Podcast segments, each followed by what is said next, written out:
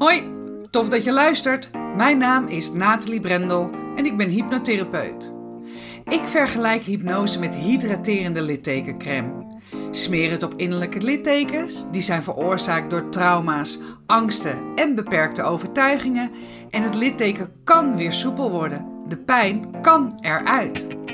In deze podcast ga ik, naast hypnose, op zoek naar andere hydraterende littekencremes. Want wat is er allemaal te vinden in het alternatieve therapieëncircuit? Ik ga in gesprek met de beste specialisten. Hoe zijn zij met hun smeerseltjes in aanraking gekomen? Wat was het moment dat ze dachten: dit is te gek, hier ga ik in verder? En wat doet het precies? En ik spreek ervaringsdeskundigen. Waarom zijn ze juist deze therapievorm gaan volgen? En wat heeft het ze opgeleverd? Kortom, de verhalen achter de kremmetjes.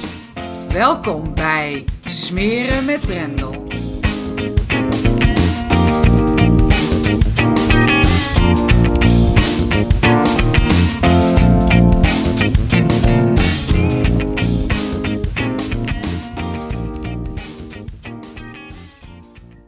Uh, voor mij zit David.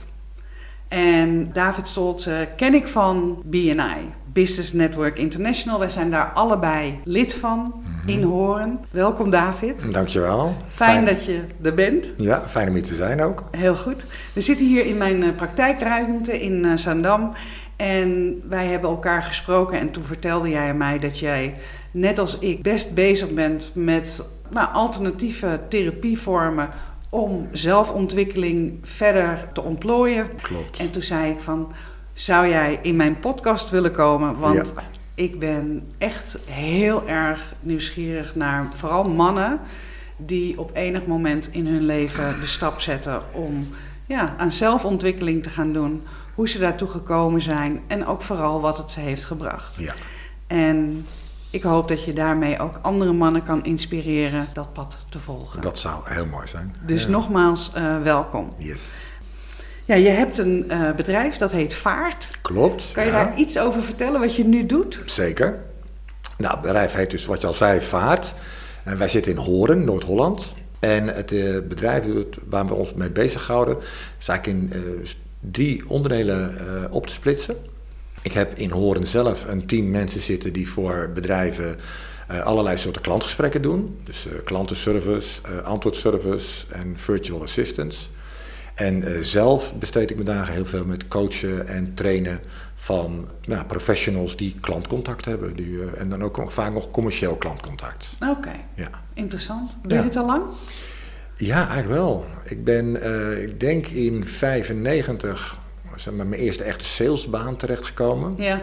En daar eh, ja, van salesmedewerker tot buitendienstmedewerker, accountmanager en zo, zo stapje voor stapje meegegroeid. Ja. En tot 2005 was ik manager bij wat toen PCM, eh, de landelijke dagbladen, wat heet nu de persgroep geloof ik.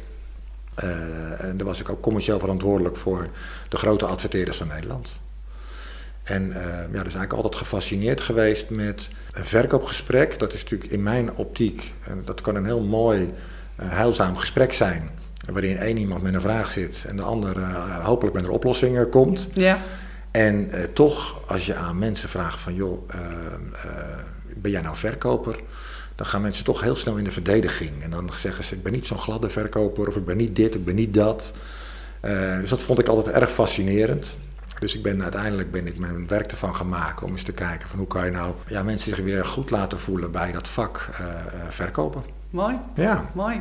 Je zegt, ik ben daar altijd door gefascineerd geweest. Ja, Kun je iets vertellen? Want is dat al vanuit je kindertijd? Kun je iets Nou, vertellen nee, over ja. waar je bent opgegroeid en hoe je gezin van origine eruit zag? Zeker, zeker, zeker. Ja, nou, als je zegt altijd geïnteresseerd geweest, Ja. ben ik meer toen ik in sales terecht kwam, dat ik het zelf een waanzinnig mooi vak vond en dat ik me erover verbaasde dat veel mensen daar zo moeilijk over deden. Ja, Dus, eh, dus dat. Ja, ik kom uit, eh, ik ben geboren en getogen in het Westland. Dat is het gebied dat zeg maar eh, onder Den Haag ligt en links van Rotterdam, hè, dat hoekje daar zo. Het is een gebied dat, eh ja, er zit heel veel glastuinbouw. Het is een vrij harde, vrij harde omgeving. Hard werken, niet al te veel moeilijk doen, niet al te veel praten over hoe je je voelt, maar vooral gewoon lekker hard werken. En ik kom uit een gezin, mijn vader was, uh, toen ik geboren was, was hij ook tuinder, had hij een tuinderij. En ik ben de derde zoon uh, uit een gezin van totaal vier jongens. Arme moeder, zeg ik dan maar gelijk, uh, die dus heb... met allemaal mannen te maken had. Ja, precies. Dat heb ik zelf ook. Ik heb drie zonen. Oké. Dus ja. ik leef met je moeder mee. Ja, ja, ja. En hoe was het om uh, in dat harde gezin, zeg maar in dat harde werkende gezin ook vooral op te groeien als ja. derde van de vier zonen? Nou, dat was best wel pittig. Als ik er zo nu op terugdenk, uh, daar best ook wel even in moeten schakelen. Uh, want ik ben van origine ja, niet iemand die zeg maar, al zijn gevoelens opzij zet en uh, gewoon vol in de bak gaat. En dat werd daar toch eigenlijk wel verwacht. Dus ik heb mijn best gedaan om, daar, om daarin te passen. En wat voor rol had je dan binnen dat gezin om daarin te passen? Nou, gewoon de rol natuurlijk een van de, een van de vier kinderen. Ik kreeg niet echt een rol opgelegd door mijn ouders. Maar terugkijkend denk ik dat ik de rol op me heb genomen om het gezin bij elkaar te houden. Om het gezellig te houden, om het even zo te zeggen. Ja, dus hoe, die, uh, hoe uitte zich dat? Ja, hmm, mooie vraag. Nou, ik denk door het, door het gezellig te houden, denk ik met name. Dus dat uh, gewoon gezelligheid te brengen, uh, humor te brengen in het gezin. Dat is denk ik mijn manier geweest. Hoe deed je dat? Nou, heel erg aanwezig te zijn, heel erg ver, verbaal. Ja, ik, ik, denk dat het heel duidelijk was zodra ik binnenkwam, thuis kwam, dat was wel duidelijk. Zeg maar. De aandacht uh, een beetje trekken, een beetje lolletjes maken, op die manier. Ja. ja. En was dat altijd ook op een positieve manier dat je dat deed? Ik denk dat de intentie altijd positief was. Ja. Ja, ik denk dat ik, ik ben van nature een, echt een hele uh, blije, positieve man.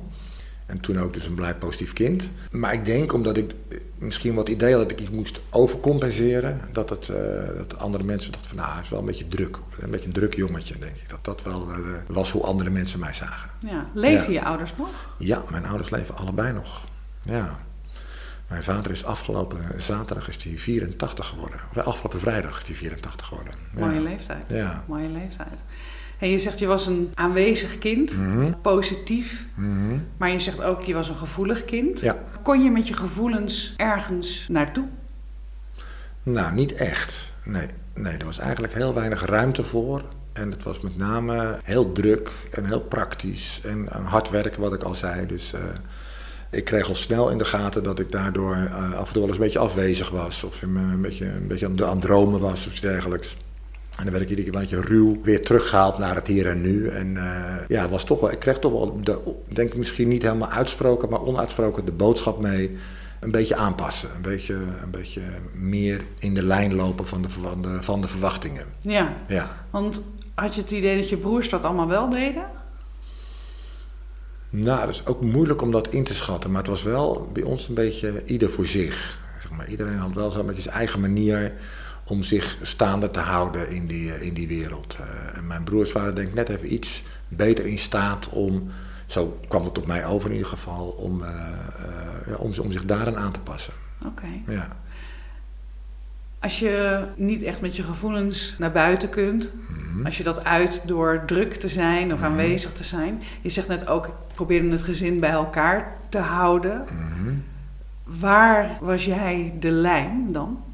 Nou, ik weet ook niet echt of ik echt de lijm was. Maar ik denk dat ik zo, um, als ik zo de afgelopen jaren, ben ik wat meer terug gaan kijken. En gaan denken, nou hoe is het nou allemaal gegaan?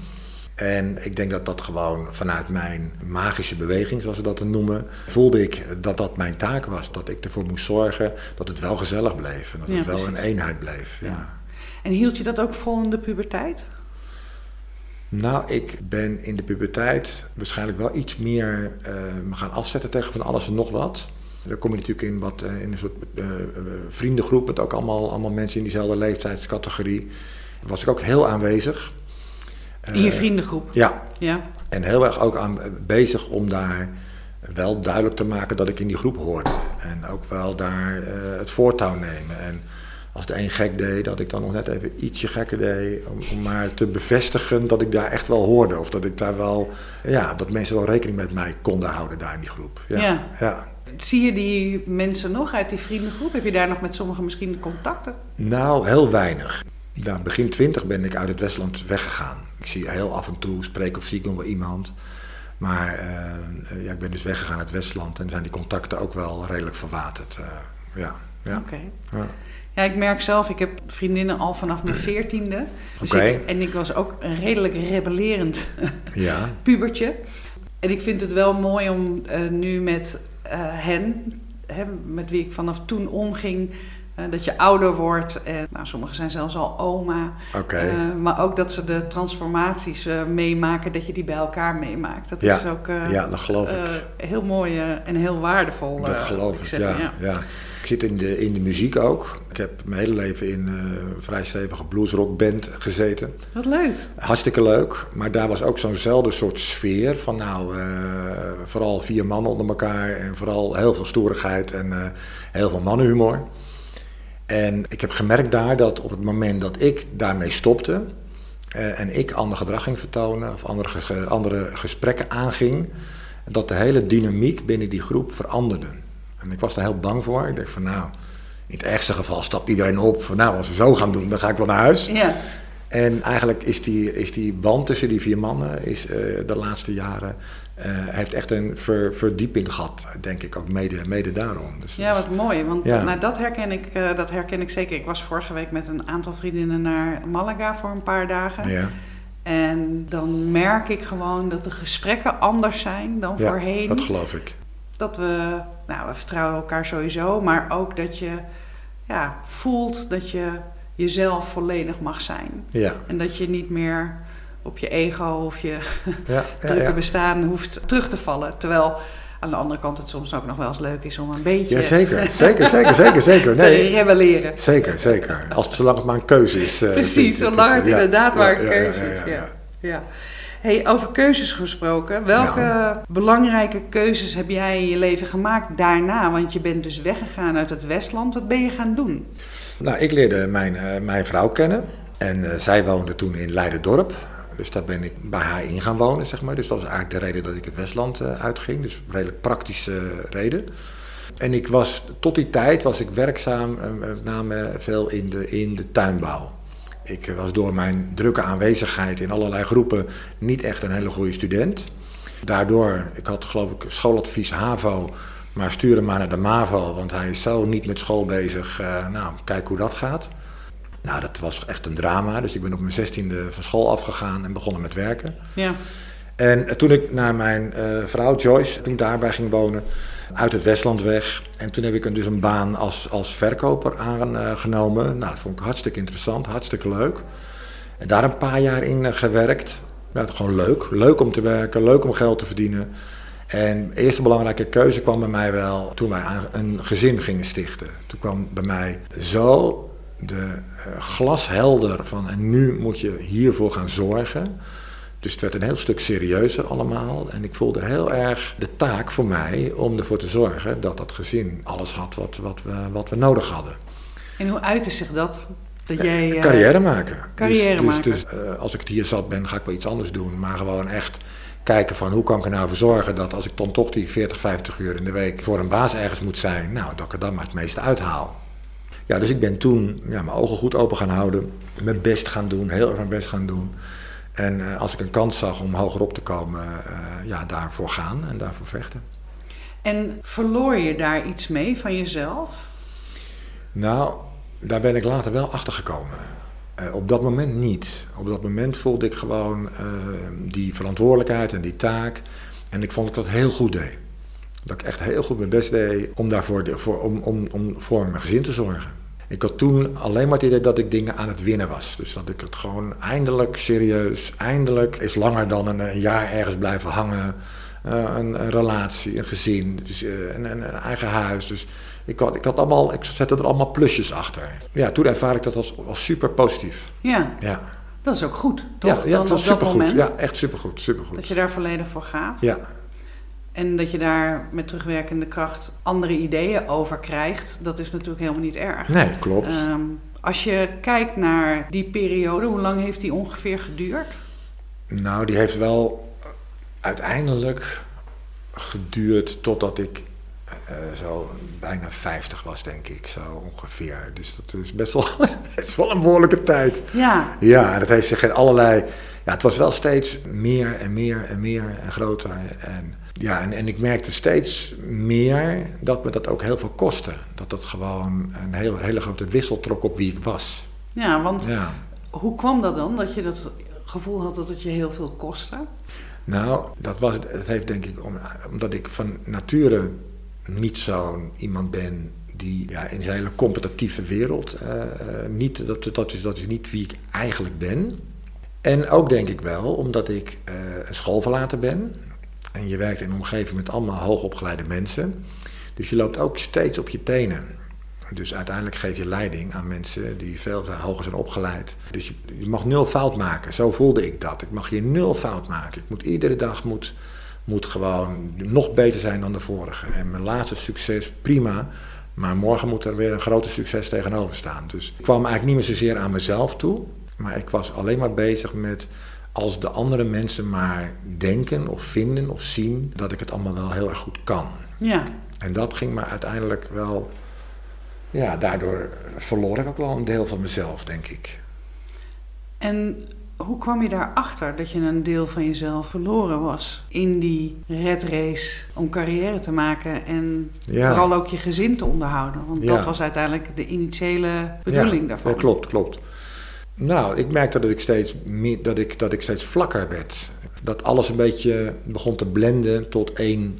Zeg maar, er waren weinig, weinig pieken en dalen meer, zeg maar. Het was dus, ik was zo bezig met eh, dat uiterlijke verhaal, dat gewoon aan de binnenkant werd het allemaal wat, allemaal wat, allemaal wat vlakker. En wat, en wat leger. Zo, dat, zo, zo, zo'n soort gevoel gaf me dat. Ja, en was dat zowel zakelijk als privé dan? Dat je dat... Nou, meer, meer privé, denk ik. Zakelijk kon ik het echt nog wel allemaal wel redelijk, eh, redelijk eh, bolwerken. Maar privé merkte ik gewoon dat ik, dat, dat, dat, dat, dat ik daar... Dat het steeds grijzer, grauwer werd eigenlijk. En hoe, want grijze, grauwe, hoe uitte zich dat? Ja. Hoe uitte zich dat?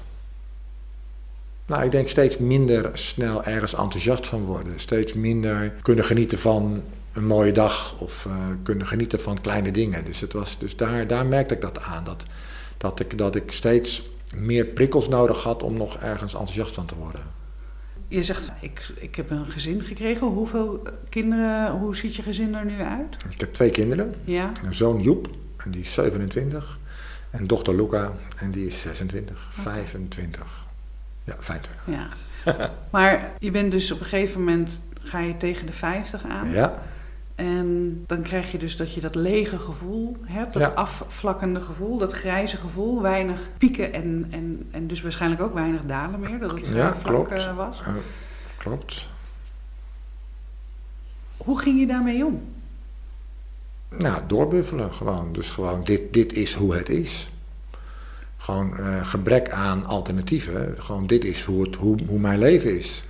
Dus ik heb daar heel lang, heb ik daar gewoon eh, ook mee gedeeld. Ook omdat ik ook niet echt het idee had dat het ook anders kon. Hè? Want als iets je werkelijkheid is, nou, dan kun je daar, dan, ik, ik blijf daar lang in hangen. En op een gegeven moment komt wel, ja, ont- ontstaat er wel een soort behoefte. En merk je ook wel dat je met mensen gesproken hebt. En je ziet die mensen een week later dat je al niet eens meer kan herinneren waar je het over gehad hebt. Eh, dus ik denk, ja, dat is niet goed. Dus, dus, dus, dus op een gegeven moment ontstond wel die behoefte. Ja, ik wist niet eens waarnaar behoefte, maar wel behoefte naar iets anders. Maar je zegt net, het was voornamelijk dat het op privévlak dat je voelde dat je Ja. afzwakte. Maar als ik je nu goed begrijp, hebte dat ook gewoon op een gegeven moment door in je hele werksituatie. Ja, ik denk het wel. Ik denk wel dat daar ook mensen wat gemerkt hebben. Maar ik, ik heb wel, en dat was wel. Mijn dochter heeft een tijdje bij mij gewerkt. En dan reed ze mee naar kantoor. En later zei ze van: Ik merkte onderweg naar kantoor dat je even afwezig was. En op kantoor was je ineens iemand anders. Dat is bijzonder. Dat is bijzonder, hè? Dus ik was zo goed, wist ik wat ik daar moest doen, de rol die ik daar moest spelen, dat ik dan blijkbaar echt daarin stapte, in die rol stapte. Dus blijkbaar ging het zakelijk gezien, eh, hebben mensen misschien minder gemerkt daarvan, denk ik. Hoe was dat voor je om dat te horen van je dochter? Nou, moeilijk natuurlijk. Ja? Ja, tuurlijk. Vertel. Nou, je leert je kinderen. Ik heb geprobeerd mijn kinderen te leren dat je altijd jezelf moet zijn. En dat hoe je bent helemaal prima is. En dat er altijd mensen zijn die je leuk vinden en mensen die jou niet leuk vinden. Dat zal je altijd houden hoe je ook bent. Dus wees dan maar gewoon lekker jezelf. En dan is het voor jezelf in ieder geval makkelijk. En dan erachter komen, ook door de feedback van je kinderen, dat je dus zelf ook, uh, uh, nou, dat je daar zelf niet zo goed in geslaagd bent. En was dat voor jou een moment van nu ga ik hier iets mee doen? Ik, ik heb hier iets mee te doen? Of kwam dat nou, pas dat later? Was, ja, dat was voor mij, dat ze dat zei, dat was ook al nadat ik wel bezig was met andere dingen. Want ja, dan krijg je andere soort gesprekken. Ja, precies. Ja, ja. dat is ook zo. Dat ja. is zeker zo, ja. En uh, nee, ik ging met mijn schoonvader en mijn twee uh, zwagers uh, ging ik, uh, ieder jaar gingen we een mannenweekend doen. We gingen een weekend zeilen, een weekend bushcraften. nou, Hoe oud ben je hier? Even voor mijn... halfwege 40, halfwege eind, eind 40. Ja. En mijn schoonvader, een prachtige man, die ook heel erg met spiritualiteit bezig was altijd. En die zei van nou, we gaan nu eens een keer geen echte mannendingen doen. Maar we gaan een weekend in Zeeland in een resort gaan we een yoga slash tai chi weekend doen. Nou, dus wij dachten, nou lekker op een matje liggen, een beetje inademen, uitademen, dikke prima. Nou, dat was een heel intensief weekend, waar ik een, ook nog een privébehandeling had uh, uh, geboekt, een soort massageachtig uh, iets. Nou, dat bleek een dame te zijn die meer deed dan alleen maar masseren. En die heeft mij toen aan het einde van die behandeling even gezegd, nou ga maar even zitten. En zegt ze, ik merk dat, dat jij je contact met je lijf en met je gevoel is helemaal weg. Dus als jij uh, niet nu in beweging gaat komen of daar eens een beetje dingen in gaat leren, nou, dan, uh, dan, dan, dan ga je steeds grotere prikkels nodig hebben om nog maar iets te kunnen voelen. Dus die luidde even de noodklok. En toen ben ik eigenlijk begonnen aan nou, mijn reis of mijn traject om eens te kijken van wat is er dan, wat, want ik, ja, ik was er zelf door verrast toen ze dat zei. Maar ik herkende natuurlijk stiekem ook best wel heel veel. En dus, dus dat was eigenlijk de start dat ik echt serieus ben gaan kijken van, goh, hoe ga ik nou eens met me, de rest van mijn leven om? Dus je had iemand van buitenaf nodig die jou een spiegel voorhield. Ja. En eigenlijk bevestigde wat je misschien latent al ja, wel wist. Ja, ja. ja ik, ik schiet nu in mijn gedachten, ik, ik, weet niet eens hoe die film heet, maar er is zo'n film dat een moeder met een jongetje, die wonen in een of andere, in een of andere schuur. Daar zijn ze gevangen gezet uh, door een man. En voor het jongetje is gewoon die schuur is zijn hele wereld. Je heeft nul idee dat er buiten dat hok nog iets anders is. Ja, precies. Ik ken die film, ja. Dus voor hem bestaat de rest gewoon niet. Nou, en dat, zo'n ervaring had ik ook dat iemand gewoon, gewoon even zo'n raampje opendeed van hé, hey, er bestaat. Uh, ja, er zijn best wel wat andere opties dan alleen maar in dat hokje te blijven zitten. Ja. Dus daar heb je dan echt iemand voor nodig die jou eventjes daar op een goede manier even bewust van maakt. Ja. Dat is mooi. Ja. Wat ben je gaan doen daarna voor jezelf om Nou, ik- meer in contact te komen ook met je gevoel en met je lijf? Ik ben begonnen met een boek lezen van Eckhart Tolle. Ja, Ik ben eigenlijk zit de titel eh, De kracht van het nu of iets dergelijks, zoiets hij, ja. Nou, erg interessant. En toen heb ik die dame weer opgebeld. Ik zeg van nou, ik zeg, hoe heette dat wat jij, wat jij deed? Hè? Want daar wil ik dan wel meer van. Dan moest ik kijken wat me dan oplevert. Dus toen heb, ik nou een aantal, iemand gezocht, een coach gezocht die mij kon helpen. Nou, toen kwam ik eerst terecht bij iemand met allemaal eh tingeltangel muziekjes en eh wierook en eh, heel zweverig. Nou, was dat dus spiritueel voor je? nou, dat, dat was, moment? dat was niet concreet genoeg voor mij. Ja, dus daar dacht ik van, nou, dat, is, dat, dat raakte me niet. En toen ben ik verder gaan zoeken en ik ben toen bij een coach uit Haarlem terechtgekomen, eh Ninoek Heijenkamp.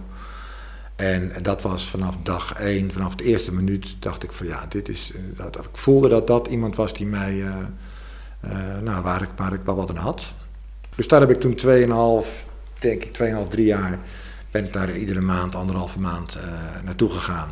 En zijn we op ontdekkingsreis gegaan naar, ja, het klinkt heel zweverig, maar naar mijn gevoel, naar, naar het contact met mijn lijf en met, me, en met, me, en met, mijn, ja, met een andere kant van mezelf. Ja. Hoe zag dat eruit als je daarheen ging? Wat eh, deden jullie? Nou, veel gesprekken. Ze deed ook veel lichaamswerk. Dus, dus eh, veel oefeningen met het lijf. Om gewoon eens te voelen wat het nou is om, eh, om in, je, in je lijf te zitten.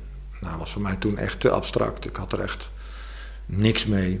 Maar zij was een en al geduld en, en liefde. En dus ja, stap voor stap ben ik, ben ik wat gaan ontdekken. En, en ook over hoe dat dan was vroeger en, en daar naartoe gaan. Dus daar gewoon even je hele leven weer doorlopen en dan door een andere bril kijken daarnaar, zeg maar. Ja, want kon je op dat moment dan ook terugkijken naar je jeugd, waar je net over verteld hebt, eh, het gezin waarin je opgroeide, de rol die je daar opgenomen had voor jezelf om de verbinder te zijn, de, de vrolijke noot, de, de druktemaker. Ja. En weinig over je gevoel kwijt ja. kunnen. Heb je daar ook goed naar kunnen kijken? Ja, tot een bepaalde hoogte lukte dat wel. Maar er zaten ook wel stukken waar ik gewoon niet zo goed bij kon. Dus waar hoeveel oefeningen en gesprekken je ook deed, zeg maar, dat, dat ik dat blijkbaar toch te spannend vond om daarheen te gaan. Dus dingen die je dan hè, blijkbaar als, nou, als, als, als klein kind eh, als te spannend hebt ervaren. Of te, ja, te angstig toen, hè, wat helemaal niet angstig hoefde te zijn, maar dat heb je dan als klein kind zo ervaren. En dan, uh, en dan uh, blokkeer je die delen en dan, uh, nou, daar, deur op slot en dan gaan we nog niet meer naartoe. Nee. en ik heb wel gemerkt dat ik met oefeningen en gesprekken, dat bepaalde delen waren gewoon blijkbaar te spannend om daar gewoon zo, zo weer even mee in, in, contact te komen. Ja. Je bent dus bij haar geweest en jullie hadden veel gesprekken, ja. oefeningen om in je lijf te komen. Ja. Je zegt net ook van er waren delen die ik nog te spannend vond. Mhm. Ben je uiteindelijk daar wel bij gekomen? Hoe is je vervolgpad gegaan daarin zelfontwikkeling? Ja, nou, zij had veel ervaring met alternatieve behandelmethoden, waaronder MDMA. En uh, dus toen heeft ze van, nou, hoe sta je daar tegenover om eens een keer zo'n sessie te doen? Nou, vond ik redelijk spannend natuurlijk, want ja, wat gaat er dan allemaal met je gebeuren? En uh, ik heb in mijn jonge jaren wel eens een blootje gerookt, maar dat was, dat is ook zeg maar, mijn complete ervaring met. Uh, en dan is MDMA toch, ja, staat bekend als drugs. Hè, dus dan uh, ja. vond ik spannend. Maar ja, omdat het daar zo'n veilige omgeving was en ik 100% vertrouwen had, heb ik dat aangedurfd. Ja, en dat zorgt ervoor dat, je, dat die afweermechanismes die in mijn lijf zaten, van nou, oh, je gaat nu naar een gebied wat te eng is dat dat wat minder spannend was. Zodat ik daar iets makkelijker, dat het iets liefdevoller werd en dat ik daar wat makkelijker eh, heen kon.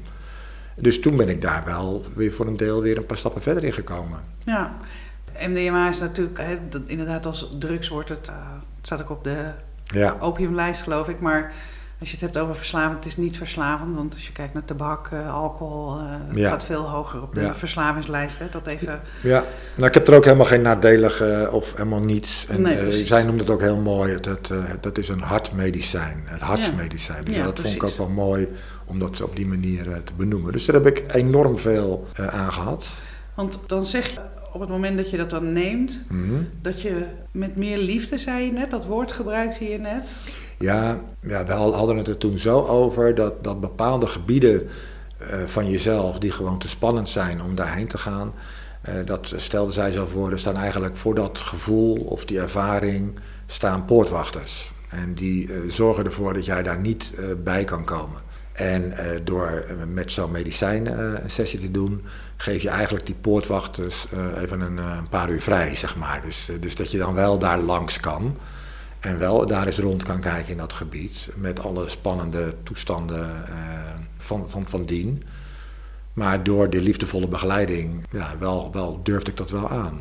Dus op die manier eigenlijk werkte dat voor mij. En wat heelt het dan op het moment dat je daar dan ook weer uitkomt, als je daar geweest bent, langs die poortwachters bent gegaan, daar rondgekeken hebt in een deel van jou waar je heel lang niet geweest bent. Ja, Eh, wat je waarschijnlijk zeg maar, met je bewuste brein misschien niet eens meer kan herinneren. Ja, hè, wat allemaal in het onbewuste zit, maar wat wel patronen teweeg heeft gebracht die je vormen zoals je bent. ja. Dan kom je daar weer uit vandaan. Wat doet dat dan met je in het dagelijks leven? Wat brengt het je? Nou ja, ik weet niet, ik kan niet zo goed benoemen of één iets mij eh, eh, iets heel erg heeft gebracht. Maar gewoon daarmee bezig zijn en gewoon ontdekken wie je, ontdekken wie je, wie je bent. Op allerlei mogelijke manieren. En om te kijken of je dingen kan helen. eh, of in ieder geval eh, liefdevol aan kan kijken. Je kan heel veel problemen hebben gehad met hoe het vroeger gegaan is, bepaalde dingen. En zolang je daar boos naar blijft kijken, ja, dan hou je jezelf eigenlijk tegen. En als je gewoon door al dat soort dingen te doen en al die sessies en al dat inzicht en gewoon gebruikt om op een meer liefdevolle manier naar de wereld te kijken, uh, dat helpt je gewoon. En dan hoor je van de mensen om je heen, dus onder andere van mijn dochter, dat raakt me iedere keer als het over beginnen. Uh, zie het. Ja, die dan ook, uh, die ook echt letterlijk zegt, ik heb het pap, ik heb het idee dat je me nu echt ziet. Dus het brengt gewoon diepte in jezelf weer terug. En het brengt de interesse in jezelf weer terug. En interesse voor andere mensen. En uh, dat heeft het voor mij in ieder geval gedaan. En, en, gewoon weer meer ruimte geven aan die andere kant dan alleen maar hardzakelijk en geld verdienen en uh, uh, zogenaamd succesvol zijn. Ja. dus, dat, dus dat heeft het me. Al die, al, die, al, die, al die stukjes, gewoon één grote puzzel. En het zijn gesprekken, het zijn oefeningen, het is MDMA. Nou, ik heb ook een, een, een sessie met ayahuasca gedaan. Dat is een beetje de overtreffende trap van uh, MDMA. Plantmedicijn. Ja, en, uh, en, en al, al die dingen brengen, bre hebben mij iets gebracht. En het in de combinatie van alles dat ervoor zorgt dat je gewoon ja, wat steviger en weer wat meer, met meer evenwicht in het leven komt te staan. Wat mooi om dat zo. Ja. want het zal niet altijd makkelijk zijn geweest. Om nee. je Hè, de poortwachters staan er niet voor niks. Die staan Nee. daar om jou te beschermen. Klopt. Omdat het delen Ja. zijn die best heel pijnlijk Ja, eh, zijn geweest in je kindtijd. ja, ja. Ehm, om die dan toch weer aan te kijken en toch weer Ja. naar dat kinddeel terug te gaan. Dat is super, super spannend. Ja. Ja. Ja. heel moeilijk. Vond ik het ook wel. Dat kan ik me voorstellen, ja. Ja. Ik herken dat. Ik heb dat zelf ook eh, ja, meerdere malen nu gedaan. Ja. En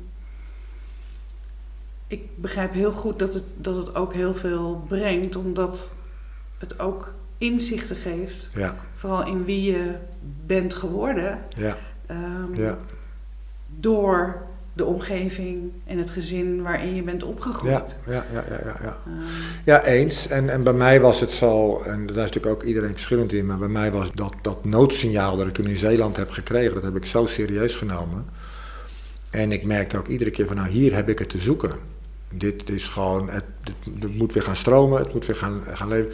Dus ik werd heel erg eh, eh, hongerig, zeg maar, naar, naar meer. Dus eh, ik ben ook alles wat, wat nou dat zei Ninoek altijd tegen mij, van nou je moet gewoon de eh, insteek hebben, ja tegen alles. ja. Dus er komt iets op je pad, een, een boek of een, of, of een contact of een, of een voorstel. En je kan overal wel nee tegen zeggen, maar laten we gewoon eens beginnen met ja tegen alles te zeggen. En dan mag ook alles er zijn. En, en eh, ja, dus ik, ik heb ook wel gewoon alles aangegrepen wat mij meer inzicht kon, kon, kon schenken, zeg maar. Ja. En was dat te combineren? Want dat, je werkte nog gewoon. Ja, Hoe deed je dat? Want Nou ja. ben je zelf helemaal op onderzoek uitgegaan? Hoe, hoe ben je tot bepaalde alternatieve therapievormen gekomen? nou, met name dus door, door mijn coach. Dus die heeft daar, eh, die was natuurlijk al een enorm stuk verder op die reis. Dus die liep voor me uit en die nam mij bij de hand. En, eh, dus ik ben de eerste jaren ook gewoon echt, nou ja, gewoon eigenlijk een beetje als eh, hulpeloos jongetje komt nu in me op. Maar gewoon wel van, joh, ik weet het niet. Nee. Want anders had ik, als ik het had geweten, had ik het al lang gedaan. Jij weet het blijkbaar net even ietsje beter dan ik. Of je bent net even een paar stappen verder dan ik. Eh, en er was enorm veel vertrouwen. Dus ik eh, zeg van nou, eh, laten we maar onderweg gaan. En daarna ben ik verder gegaan. Ik heb een, ben bezig nu in de afrondende fase met een opleiding bij Phoenix opleiding in Utrecht. Daar doe ik de driejarige opleiding. Ja, dat staat ook helemaal in teken van wie, wie ben jij en wie ben je in een relatie en wie ben je in een groep eh, en waar, waar komt, eh, hoe jij je daar manifesteert, waar komt dat vandaan, wat is eh, goed in die situatie en wat zou je misschien anders kunnen doen. Dus dus ik ben nog weer verder op onderzoek uitgegaan. Dus ja, dus, dus die, die reis gaat door eigenlijk. Die gaat gewoon door. Ja. En je bent zelfs dus nu een opleiding aan het afronden bijna, zeg je. Ja. Ga je daar dan ook specifiek iets mee doen?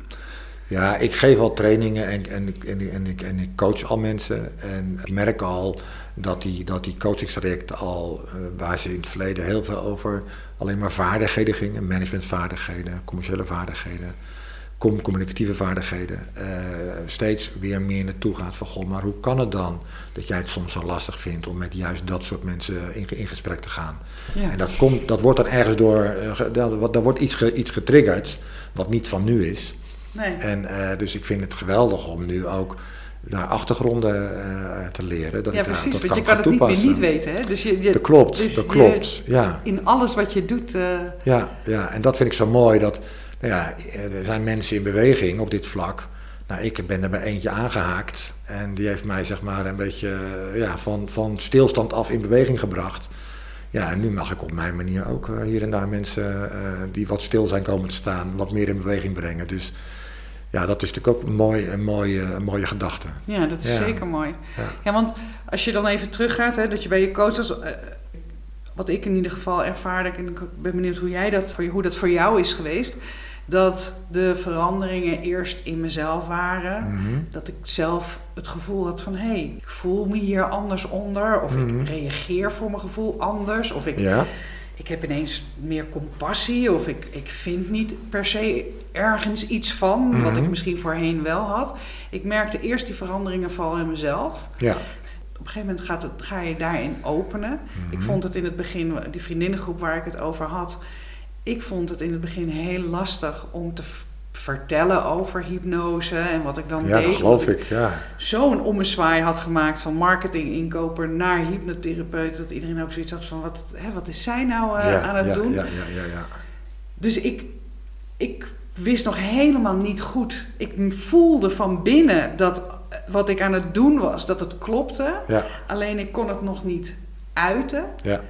Um, of erover praten. Maar op een gegeven moment merkte ik dat ik ja, daar steeds opener in werd. Dat ik steeds dichter ook bij mezelf kwam, omdat ik ja, zoiets had van ja, dit is wat het is, weet je wel. Dat, daar mag je wat van vinden, dat vind ik prima.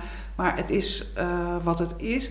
En dat ik daardoor ook steeds meer dat in gesprekken, zoals wat ik net zei, dat ik vorige week met uh, die vriendinnen naar Malaga was, dat je een hele andere soort gesprekken hebt als vijf jaar geleden. Ja. Merk jij dat ook? Dat je ja, en niet, in je het dagelijks is niet, uh, leven vooral. Uh... Ja, en het is niet allemaal, uh, niet allemaal mooi. Hè, want doordat ik gewoon op een andere manier nu naar dingen kijk, gewoon anders in mijn vel zit. Ja, dat, dus waar ik in, in het verleden veel ook. Nou, ik wilde er graag bij horen. Dus ik deed, als ik ging gewoon jou observeren. En dan ging ik kijken van, nou, wat zou zij nou leuk vinden dat ik ga doen? En dan ging ik dat doen, zodat jij maar dacht, nou, wat een leuke vent is die David nou toch. En dan heb ik natuurlijk het geluk dat ik van nature een hele leuke fan ben. Maar... Dat bedoel ik. maar, je wilde natuurlijk dat ik dat ging zeggen. Ja, ja, ja, ja, ja, ja, Maar in ieder geval, ik merk ook dus, en ook in mijn relatie, uh, daar komen ook andere gesprekken. Uh, dingen die, waar we elkaar op hadden uitgekozen, een bepaalde manier hoe je in het leven staat. Doordat ik ben gaan bewegen, ja, verandert er ook iets in die, die dynamiek. En dat zijn best soms ook wel eens moeilijkere gesprekken en moeilijkere. Dan ga je door een. Ik ben er wel door een wat moeilijkere tijd heen gegaan. Omdat je elkaar ook weer als partners, moet je elkaar toch ook maar weer vinden. Zo'n man die in één keer hele andere dingen gaat doen dan dat je van hem gewend bent. En, en, hoe, en, hoe, en, hoe, en hoe voegt dat dan nog weer? Ja. En zo merkt het ook gewoon bij, bij bepaalde zakelijke relaties. Ja, alhoewel toch, ja, mijn ervaring is wel dat het, het wordt wel echter. Het wordt wel mooier, het wordt wel oprechter. Dus, dus ik zou het ook nooit meer anders willen. En, en ook niet meer anders kunnen. Ook niet meer anders kunnen, denk ik ook ja, dat heel veel angsten die je hebt van oh, nu gaat het stuk of nu verlaat iedereen mij of nu, eh, nou dat, uh, dat blijkt steeds maar weer ongegrond. Nou ja, dus, dus, ik, ik, voel, je voelt, ik voel me ook steeds meer comfortabel om mezelf gewoon te laten zien. Uh, ook de andere kant te laten zien. Mooi. Nu ook, nou, de, daarom ook deze podcast, dat ik graag meedoe. Ja. Dat had ik misschien een paar jaar geleden echt dacht van nou, dat gaan we zeker niet doen. Nou, ik ben heel blij dat je de keuze hebt gemaakt om het uh, wel te doen. Mm Kijk, ik ben deze overstap gaan maken na mijn vijftigste, omdat ik het gevoel heb dat ik wat te brengen heb, dat ik wat mhm. terug te geven heb. Mhm. En nou, we zijn uh, van dezelfde leeftijd. Als ik kijk om mij heen en ook naar onze generatie, mhm. dan zijn we niet opgegroeid met zelfliefde, zelfontwikkeling, nee. uh, naar binnen gaan, uh, al, uh, al, is het naar je adem. dat zijn allemaal dingen die ik pas op veel latere leeftijd geleerd heb. Als je kijkt naar die generatie niet lullen maar poetsen. Mhm. Doe maar gewoon, dan doe je al gek genoeg. Hoe zouden we, wij als, toch als soort lichtwerkers, als voorbeelden hierin... Heb jij ideeën over hoe we hen beter zouden kunnen bereiken? Want ik merk best wel dat het lastig is, eh, zeker met mannen, Mhm. om ja, dit soort gesprekken te hebben. En misschien lukt het nog wel om de gesprekken te hebben, maar uiteindelijk dat ze de stap gaan zetten om ook daadwerkelijk naar binnen te gaan, die is best wel heel groot om te nemen. Ja. Ik hoop dat deze podcast bijvoorbeeld bijdraagt om dat, ja, die stap te verkleinen. Ja, Dus dat, dat je ook ziet wat het je brengt. ja. Heb jij daar ideeën over hoe je Nou ja, wat, ik, man- ja, vooral mannen ook daarin eh, eh, Ja. zou kunnen stimuleren en, en uitnodigen? Ja, nou ja, nee, niet echt. Ja, gewoon, ik, ik, ik ben dus, op een andere manier ga ik in gesprek. En ik, een mooi voorbeeld, een van mijn eh, betere vrienden. Toen reden we een keer ergens langs en toen hing er een bord van, eh dat is ergens een mannencirkel. Dus mannen die elkaar opzoeken en eh, nou, gewoon dingen met elkaar delen. Nou, dat, was, dat vond hij zo belachelijk en dat was allemaal dit. Nou, en ik hield me een klein beetje stil toen nog. En ik ben vorig jaar in België, heb je Kasteel de Schans. Dat is een, eh, ook een cursuscentrum, trainingscentrum. En daar doen ze heel veel mannentrainingen. En ik ben daar dus eh, eh, de eerste mannentraining gaan doen. En daarna ben ik met hem in gesprek gegaan weer. En blijkbaar weer iets laten zien. Dat hij vroeg een week later van, waar was dat ook alweer, die mannentraining? En wat, wat deed je daar dan precies? En, dus ik merk gewoon dat, je, ja, dat, dat, dat mensen zien een bepaalde verandering. Want dat hoor ik best wel veel van mannen om me heen. Van ja, ja als ik het zo, als ik jou zo hoor, dan herken ik daar best wel veel van. En als ik zo hoor hoe jij met je relatie, hoe dat ook steeds een beetje vlakker werd, dat herken ik allemaal best wel. En dat je op je werk steeds moet presteren, ja, dat, dat, dat, dat, dat, dat voel ik ook zo. Maar ja, hoe, eh, hè, dat, dan is het vaak zo, maar ja, en wat dan nu? Ja, Nou, ik, als ik nu zo met, door met jou te praten terugkijk over de afgelopen jaren, dan heb ik ook echt wel een paar keer met, met, met, met, met, billen bij elkaar gezeten van, god, wat is het spannend allemaal. En, en, en wat ga je naar onbekende, onbekende dingen in? En wat moet je soms, wat is het soms confronterend? Ja. Om ook tegen jezelf te zeggen, ik ben niet die hele succesvolle man, want dat, dat, dat kan ik dan soms wel spelen. Eh, maar er zijn ook heel veel schaduwgebiedjes eh, die helemaal niet zo succesvol zijn en helemaal niet zo geweldig zijn. En, dus dat moet je ook, je moet het ook maar eens jezelf in de spiegel aankijken eh, eh, en de waarheid over jezelf onder ogen zien. ja. En dat is best wel, dat is wel pittig om dat te doen. En denk je dat daar de weerstand ook zit? Bij, bij ja, bij mij wel. Bij mij was het gewoon spannend genoeg om daarheen te gaan. Echt wel spannend genoeg. En inderdaad, ook omdat ik het zo belangrijk vond. Ik vind het nog steeds zo belangrijk om groepen bij elkaar te houden. Als, als er een groep uit elkaar dreigt te vallen eh, of opgegeven wordt, dan heb ik het daar enorm moeilijk mee. Dus ja, als ik me dan ineens anders ga gedragen, dan wat gebeurt er dan met alle groepen waar ik in zit? Dus dat is, er zat best wel veel, echt wel veel spanning op. En ik kan me voorstellen, maar dat is dan voor mij. Dus maar ja, bedoel, verandering is, eh, is, is gewoon super moeilijk. Je bedoelt dat als je jezelf laat zien, dat je dan niet geaccepteerd zou worden? Is dat wat je... Ja, tuurlijk. De angst die je hebt? Tuurlijk. Ja, ja. Want mensen vinden mij vooral leuk omdat ik zo veel grapjes maak en eh, een bedrijf heb en eh, succesvol ben. En, eh, dat dit was, dit dat was, zijn allemaal jouw Het gedachten. zit allemaal tussen mijn oren, Ja? Allemaal ja. Ja, precies. Dus- ja, dit is niet dus- wat er tegen je gezegd nee, werd. nee, dat klopt. Nee, dat had ik allemaal zelf bedacht. Ja, precies. Dus wat zou er dan gebeuren als blijkt dat er ook nog een ander, ander deel zit? En, dus dat was ik gewoon best wel, dat vond ik echt wel, wel, wel spannend. Ja, En eh, nou ja, ik heb dan een eigen bedrijf, maar als je, ik kan me voorstellen als je ergens in dienst bent, van oh, ze hebben me aangenomen eh, voor deze rol. En wat nou als ik dan ineens iets anders ga laten zien? Dus ik denk dat daar best heel veel, heel veel eh, angst, voor angst zit. En ook al wordt het nog niet als angst beleefd, maar dus er zit ergens een deel in jou die daar misschien wel denkt van nou, dat moeten we maar even niet gaan doen. ja. Ja. Wat ik zelf ervaar is dat ik best wel diep zat. Mhm. op het moment dat ik met hypnose in aanraking kwam. En dat was alleen maar om af te vallen. Want ik dacht nog, het was lichamelijk waar ik de problemen Mhm. ervaarde. En dat ik elke dag ongeveer een glas of drie, vier wijn eh, dronk. Ja, Dat had alleen maar te maken zeg maar, met mijn gewicht dat ik dat niet meer wilde doen. Het was niet zo dat ik dacht bij mezelf van nou, dat drinken, waarom doe ik dat nou? Wat ben ik aan het verdoven? Dus ik herken best wel dat je diep moet zitten of voordat je uiteindelijk die stap gaat maken. ja, En dat merk ik ook bij anderen, dat eigenlijk het nog wel redelijk gaat. En Ja. je komt op een gegeven moment op een leeftijd dat dat lichaam zo gaat protesteren. Eh, bij mij eh, was dat eh, met eczeem, eh, overgewicht, ontstekingen in mijn gezicht, mijn holtes die altijd vol zaten. Dat uiteindelijk er geen ontkomen meer aan was, maar dat er iets moest gebeuren. Want Ja. ik dacht, ja, als ik zo vijf, nog 45 jaar moet leven tot mijn 95, dan wordt het niet grappig. nee, nee, nee. Ja. En het valt me op dat mensen vooral lichamelijk ongemak ervaren en daar dan uiteindelijk iets aan willen doen, Ja. waardoor ze of bij mij komen voor hypnose.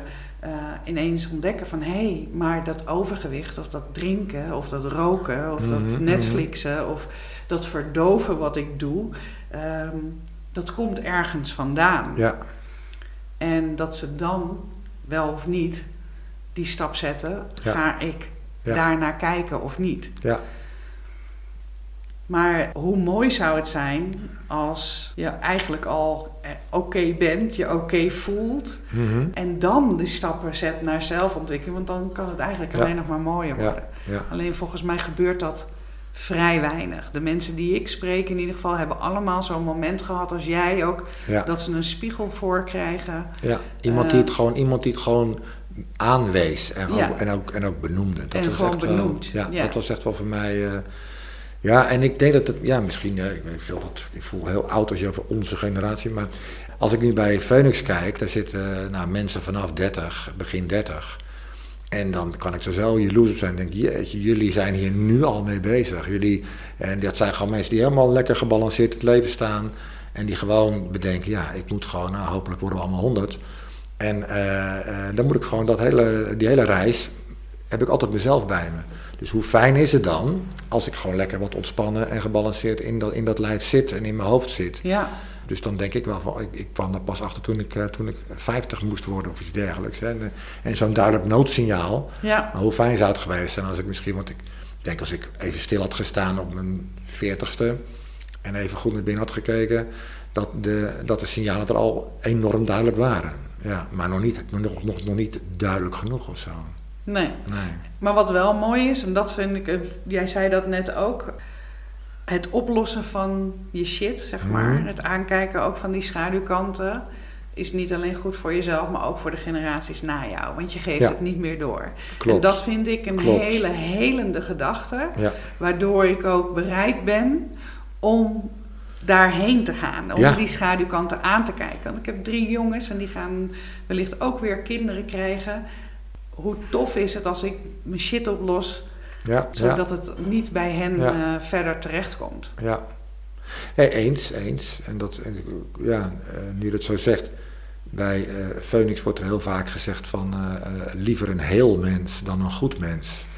En die, moet- die heeft voor mij even geduurd voordat hij bij mij landde. Maar ik denk, ja, je, inderdaad, heel ben je met, met alles wat erop en aan zit. En ja, dus beter een heel mens. Dat je daar alles, alles wat je in je hebt en dat je dat aankijkt en durft te laten zien. Ja, Dan alleen maar die goede en mooie kant eh, te laten zien. Ja. ja. precies. Hey, ehm, wat zijn belangrijke lessen uit jouw leven die je zou willen meegeven ook aan de luisteraars van deze podcast? Jeetje, belangrijke lessen.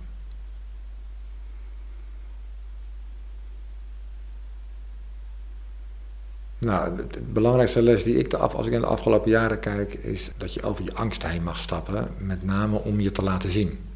Al die keren dat, ik bang was van, nou, als ik nu dit ga zeggen, dan mag ik vast niet meer meedoen. En als ik nu dit ga zeggen, dan lopen ze vast bij me weg.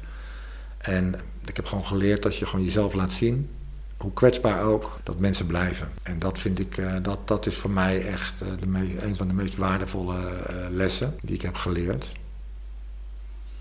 Ja. ik zit gelijk, want ik wil het, dan, ik wil het ook goed doen, hè, dus wil ik gelijk nog een les uh, bedenken. Uh, maar ik denk dat dat er wel is. Dat dat gewoon, dat dat voor mij iedere keer, als ik kan kiezen van ik kan me nu verstoppen achter uh, de buitenkant, of ik kan naar buiten komen en me laten zien. Uh, en dat ik gewoon iedere keer kies voor naar buiten komen en me laten zien. Mooi. Ja. Mooi. Ja. Ik wil je bedanken voor dit gesprek. Is er nog iets wat je graag zou willen zeggen, wat ik niet gevraagd heb, um, wat je nog wil delen? Nou ja, nee, ja, we hebben het natuurlijk nu zo over. Jij zegt van uh, mensen van, uh, van, van uh, dat mensen echt, echt iets moeten mankeren voordat ze in beweging komen om met zo'n traject aan de gang te gaan. Dus ja, iedereen die nu luistert en een soort twijfelaar, een twijfelgeval is, dan zou ik gewoon zeggen, één risico per dag. En ja tegen alles. Dus, dus, dus hoe je het ook gaat doen en wat je ook gaat doen, maar zet de eerste stap op de reis. Dat, is mijn, uh, dat zou ik nog wel willen zeggen. Nou, dat is een hele mooie afsluiting. Ja. Ik dank je onwijs voor dit fijne gesprek. Heel graag gedaan. Um, voor je openheid, voor je vertrouwen. Um, ik waardeer het zeer dat je bij me was. Nou, heel graag gedaan. Dank je wel. Ja. Bedankt voor het luisteren naar Smeren met Brendel. Vond je dit een toffe podcast? Laat dat dan vooral weten door een 5-sterren review achter te laten. En ken je iemand die deze podcast vast ook interessant vindt? Dan zou ik het waanzinnig waarderen wanneer je hem deelt. Wil je het direct weten als de volgende podcast Smeren met Brendel klaar staat? Klik dan in jouw podcast-app op de button subscribe en je ontvangt direct bericht als de nieuwste podcast online staat. In de Spotify-app kan je zowel het beoordelen als het delen en het volgen van deze podcast heel eenvoudig regelen door op de drie puntjes te klikken. Super bedankt!